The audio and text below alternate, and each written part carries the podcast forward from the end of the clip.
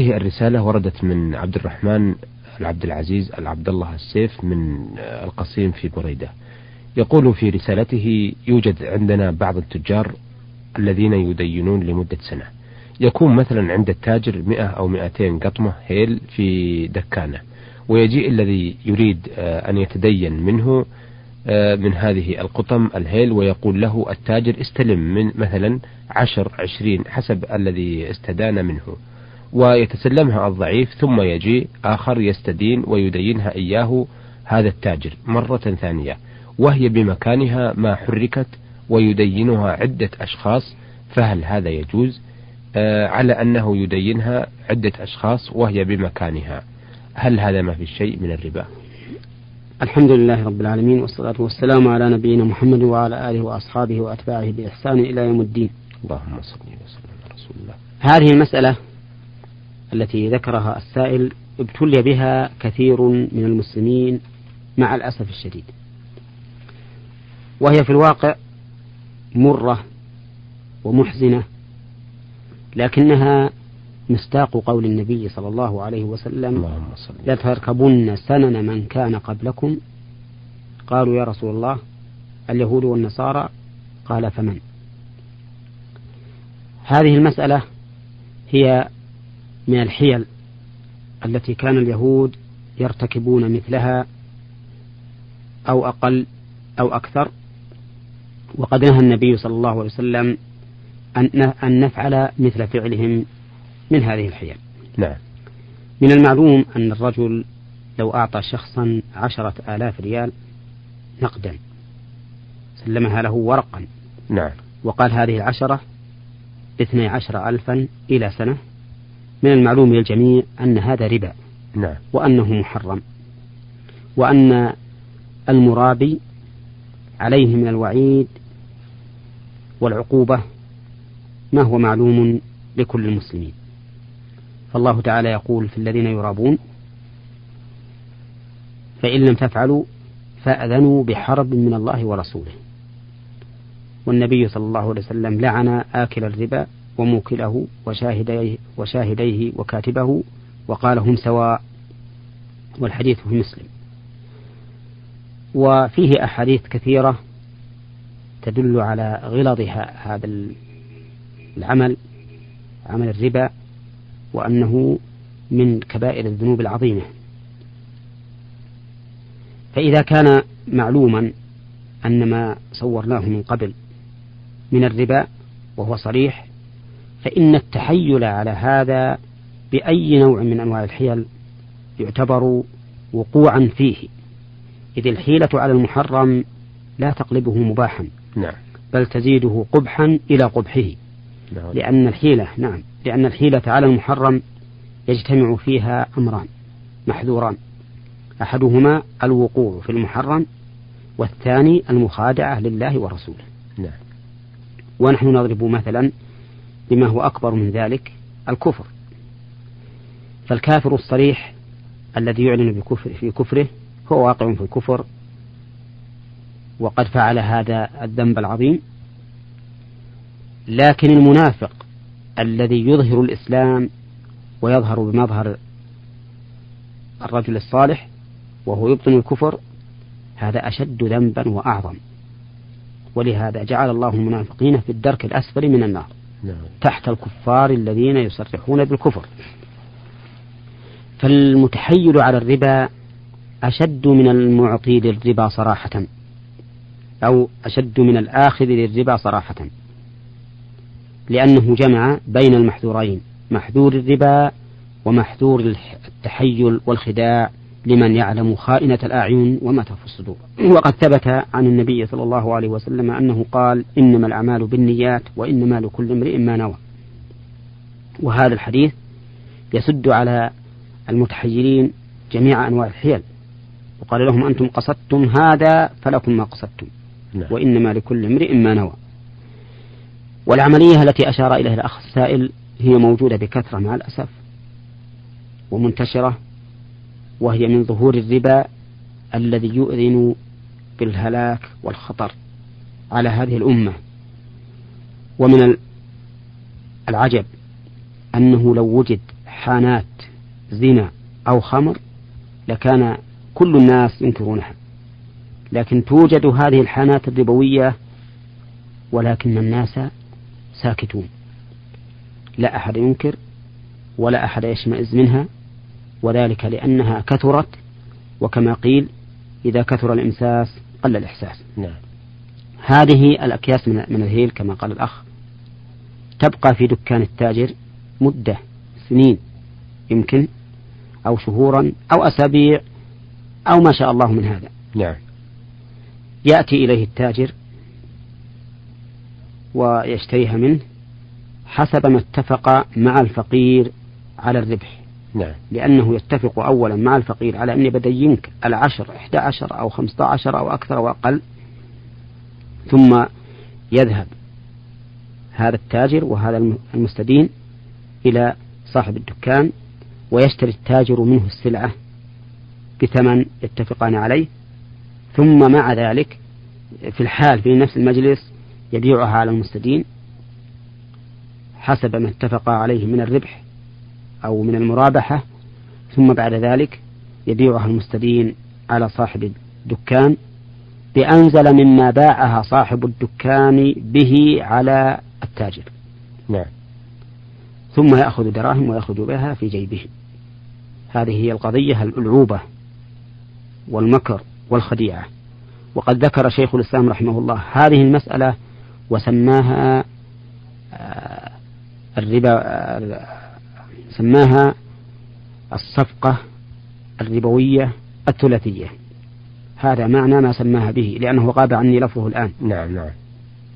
ومع ذلك قال هذه حرام بلا ريب وربا. وكان رحمه الله يحكي في مسألة التورق قولين لأهل العلم ثم يختار هو التحريم.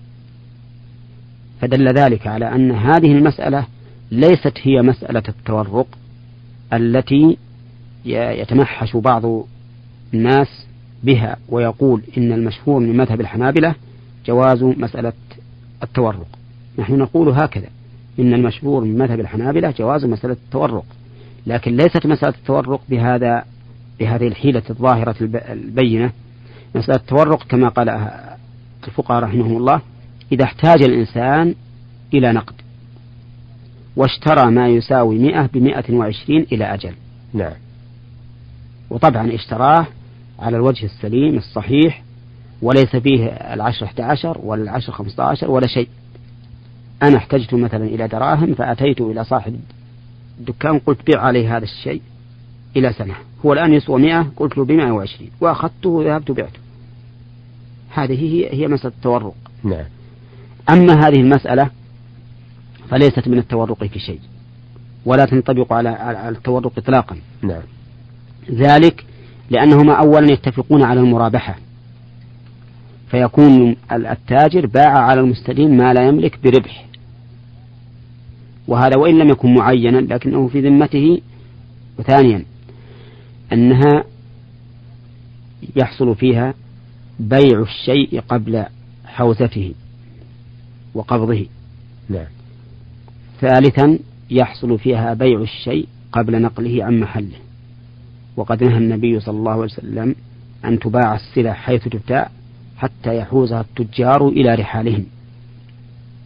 وكون بعض الناس يقول أنا قبضتها لأنني عددتها فمجرد العدد ليس قبضا بلا شك ولا أحد يقول إنه قبض لأن القبض معناه أن يكون الشيء في قبضتك وفي حوزتك وأي شيء يكون هذا العدد أن تقبضه.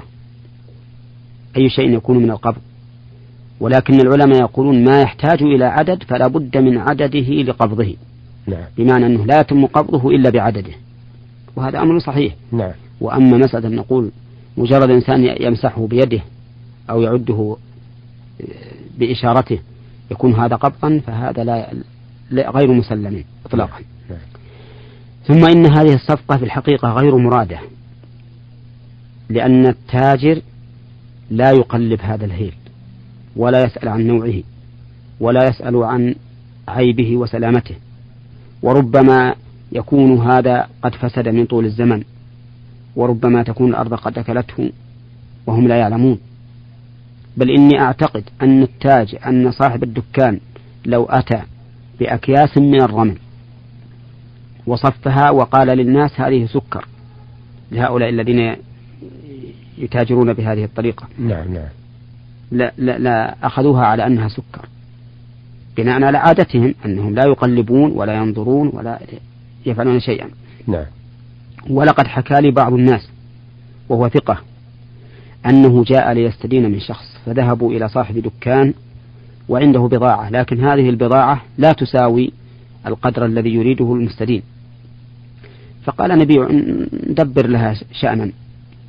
فباعها صاحب الدكان على التاجر أولا ثم باعها التاجر على الفقير ثانيا ثم باعها الفقير على صاحب الدكان ثالثا ثم باعها صاحب الدكان مرة ثانية على التاجر ثم التاجر على المستدين حتى أكملت ما يريده هذا المستدين. يعني تباعوها أكثر من مرة. تباعوها أكثر من مرة هي قيمتها نعم. ما تساوي القدر. نعم نعم. لكن لعبوا هذه اللعبة المستديرة حتى وصلوا إلى الدراهم التي يريدها هذا المستدين. نعم. وحدثني شخص آخر أيضا أنهم جاءوا إلى صاحب دكان وعنده سكر وكان السكر يساوي مئة في سعره الحاضر. نعم. فقال أنا أريد كذا وكذا من الدراهم آلاف. فقال هذا السكر لا يساوي إلا نصف ما تريد. قال إذا نرفع سعره نرفع قيمته يعني. نعم. حتى يصل إلى الحد الذي تريده. فرفعوا السعر سعر الكيس بدل من مئة رفعوه حتى يكون قيمة هذا السكر القليل بالغة ما يريده هذا المستدين. نعم. ومثل هذه الحيل كلها انفتحت على الناس من من الأم من الباب الأول الذي سأل عنه هذا السائل. نعم نعم. فلا شك عندنا في أن هذه المعاملة واقعا واقع فيها من فعلها في الربا. بل هو زائد على الذين يرابون صراحة بأنه يخادع الله ورسوله والذين آمنوا وما يخدع إلا نفسه وما يشعر. أحسنت. وسوف يندم عندما يحضره أجله نعم. ولقد ذكر ابن القيم في كتابه الجواب الكافي لمن سأل عن الدواء الشافي أن رجلا حضره الموت فجعلوا يلقنونه لا إله إلا الله فجعل يقول العشر أحد عشر العشر أحد عشر لأنها ملكت قلبه فصار والعياذ بالله ابتلي بها عند موته حتى نسي بها شهادة الحق. فنحن ننصح إخواننا المسلمين عن هذه المعاملات المحرمة التي فيها الخداع لله ورسوله والمؤمنين. نعم. ونقول لهم إن ما صنعتم في هذه بهذه الطريقة أشد مما يصنعه الذين يرابون صراحة في البنوك وغيرها. فإنهم أهون منكم. لذلك لأنهم يفعلون الربا وهم يعتقدون أنه ربا ويجدون في نفوسهم خجلا من الله عز وجل وانكسارا ويؤملون أن يجددوا توبة. المهم أنهم يعرفون أنهم على خطأ وأنهم مستحقون للعقوبة فتجدهم يتوبون إلى الله ويرجعون إليه. لكن مثل هؤلاء المتحيلين يرون أنهم على طريقة سليمة حلال. فيبقون على ما هم عليه ولا يكادون يرجعون أبدا عن هذا الغي وهذا الضلال. نسأل الله لنا ولهم السلامة. ثم إنه حسب ما نعلم أن ما يؤخذ من الربح في البنوك أقل مما يأخذه هؤلاء من هؤلاء الفقراء. والفقراء لا يدرون يظنون أن هذه الطريقة صحيحة وسليمة فيقولون كوننا نعمل عملا لا, لا إثم فيه ولو زاد علينا الربح. أهون من كوننا نعمل عملا محرما. ولكني أقول لهم إن هذه الطريقة أشد إثما من طريقة البنوك. نعم. لأنها كما أسلفنا ربا وخداع. نعم. ولكن يبقى النظر أنه من سياسة التعليم الصحيح الذي مشى عليه الرسول عليه الصلاة والسلام اللهم صل أنه إذا سد الباب من طريق محرم يجب أن يفتح للناس باب من طريق مباح نعم. حتى لا يقفوا حيارى نقول في هذه الحال الطريق إلى السليم إلى ذلك أن الرجل إذا احتاج سلعة معينة بنفسها مثل أن يحتاج إلى سيارة أو إلى مواد بناء أو غيرها فليذهب إلى أهل المعارض الذين يبيعون هذه الأدوات وهذه الأعيان ويشتري منهم العين التي يريدها بنفسها بثمن أكثر نعم. مؤجلة نعم. وبهذا يسلم يسلم من الإثم. فمثلا إذا كان يحتاج إلى اسمنت مثلا ذهب إلى أهل اسمنت واشترى منهم ما يساوي عشرة آلاف باثني عشر ألفا وعمر به. وكذلك المواد المواد الأخرى من حديد ومواد صحية وما أشبه ذلك. نعم. وبهذا يسلم. قد يقول أنا لا أنا لا أريد مواد أو أعيانا أنا أريد دراهم. لأجل للتزوج أو ما أشبه ذلك. نقول لا حاجة بك إلى هذه المعاملة المحرمة. فإما أن تشتري الأغراض التي للزواج بمثل ما أشرنا إليه في مواد البناء وإما أن تصبر حتى يغنيك الله لأن الله يقول وليستعفف الذين لا يجدون نكاحا حتى يغنيهم الله من فضله ولا ينبغي للإنسان أن يستدين ليتزوج. فهذا الرجل الذي آه، طلب من النبي صلى الله عليه وسلم أن يزوجه المرأة التي وهبت نفس نفسها للنبي ولم يكن له بها حاجة. قال التمس ولو خاتما من حديد فلم يجد فزوجه بما معه من القرآن ولم يرشده إلى أن يستدين أو يستقبض من أحد بل إنما زوجه بما معه من القرآن. فالمهم آه، أن مثل هذا آه، أقصد أن الحاجة للزواج لا ينبغي الإنسان أن يستبيح لنفسه هذه الطريقة المحرمة من أجله. نعم. أي نعم. أحسنتم. إذا آه، نقول المستمع عبد الرحمن العبد العزيز عبد الله السيف من القصيم في بريدة أن أسئلته الثلاثة قد مرت في الإجابة التي أجاب بها فضيلة الشيخ محمد الصالح الثيمين وهي الذي يبيع مثلا قطم الهيل وهي في مكانها لعدة أشخاص وكذلك الصنف الثاني الذي يذهب نفس المستدين والمدين لدكان آخر ويشترون السلعة وهو في مكانها أيضا ويسلم صاحب الدكان النقود للمستدين أو الذي يعطي الفلوس آه، نقدا ويقول العشر 12 أو 14 إلى غير ذلك طيب. أيها السادة آه، رسالتنا أو الرسالة التي وردت آه، الثانية في هذا اللقاء هي من عبد الله بن عبد الرحمن العبد العزيز من منطقة القصيم أيضا. يقول الشيخ المجيب على أسئلة نور على الدرب أنا أحب مشاهدة المصارعة الحرة لأنها ترفع عني وتذهب الملل عن نفسي وكنا سابقا. نقضي بعض الوقت في الرحلات والسباق والصيد وقد تعقدت الأمور آه، أو أمور آه، وقد تعقدت الآن أمور المعيشة. فأصبحنا لا نملك الوقت الكافي للعمل واللهو المباح. ونظرا إلى أن ونظرا إلى أني لا أملك جهاز التلفاز فإني أذهب في وقت المصارعة إلى أحد المنتزهات أو المقاهي لمشاهدتها.